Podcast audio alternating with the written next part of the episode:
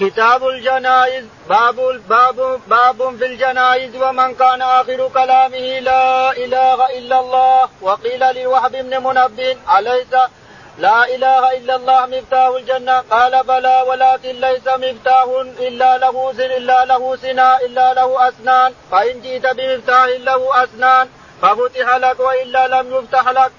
قال رحمه الله حدثنا موسى بن إسماعيل قال حدثنا مهدي بن ميمون قال حدثنا واصل الاحدث عن المعمر عن المعرور بن سويد عن أبي ذر رضي الله عنه قال قال رسول الله صلى الله عليه وسلم أتاني آت من ربي فأخبرني ان فأخبرني أو قال بشرني أنه من مات من أمتي لا يشرك بالله شيئا دخل الجنة قلت وإن زنى وإن سرق قال وإن زنى وإن سرق.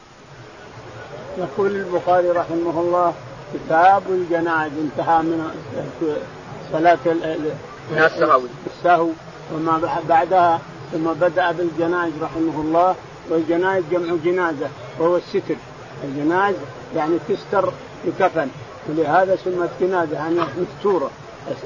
الجنز الستر. يسترون الميت عن العورة عن أن يكون عورة. فستر هذا إذا ستر سمي جنازة